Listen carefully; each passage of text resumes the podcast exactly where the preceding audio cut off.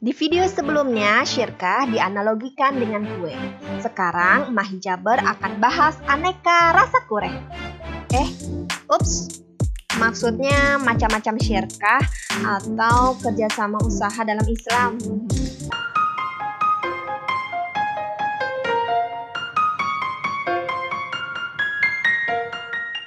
Kita jumpa di podcast Curhatan Mak Hijabar.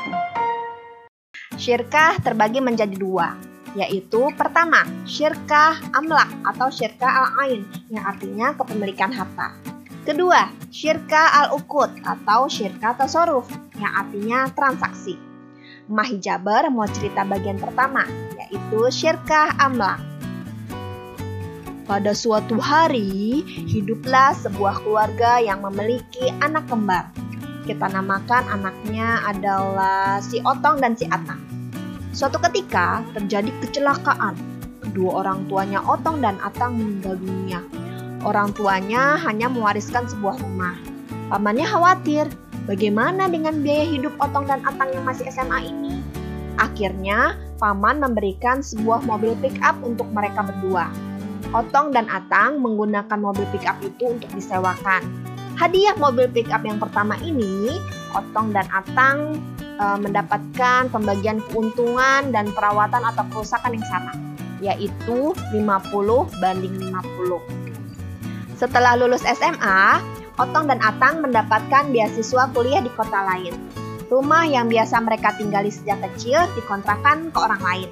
Lumayan, uang hasil kontrakan rumah bisa bantu biaya kos-kosan saat kuliah.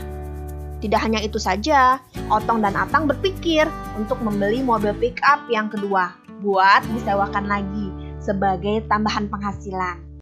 Mereka membeli mobil pick up kedua dengan urunan Otong 60% dan Atang 40%. Kelak ketika ada keuntungan dan perawatan, pembagiannya juga punya porsi 60 banding 40 kita dapat ambil pelajaran dari cerita tadi untuk dikaitkan dengan syirkah amlak.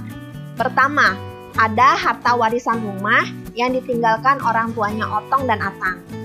Mereka bekerja sama untuk menyewakan rumah warisan. Yang kedua, ada harta hibah atau hadiah mobil pick up pertama yang diberikan oleh pamannya. Otong dan Atang bekerja sama untuk menyewakan mobil tersebut. Ketiga, ada pilihan membeli mobil pick up kedua dari Otong dan Atang.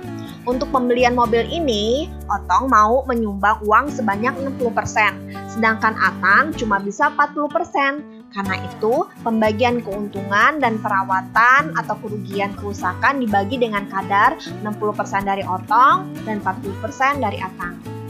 Jika kita lebih cermat lagi melihat peluang yang ada di sekitar kita, ternyata semua bisa dijadikan bisnis. Apalagi saat wabah pandemi corona, jumlah pengangguran semakin meningkat.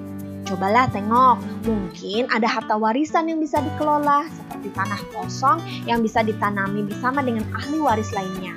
Bisa juga kita membantu orang lain tidak dengan harta yang langsung habis, akan tetapi kita memberikan hadiah berupa gerobak dan barang dagangan supaya orang itu bisa bekerja.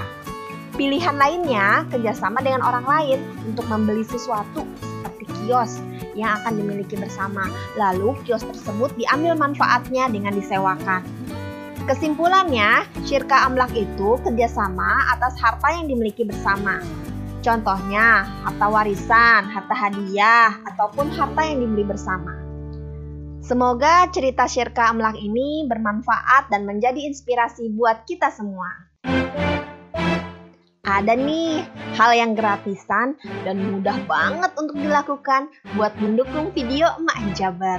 Caranya, klik like dan subscribe Emak Hijaber Buat dapat notifikasi video berikutnya, klik tanda lonceng setelah subscribe Mahijabar.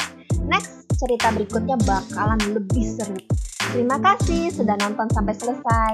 Sampai jumpa lagi.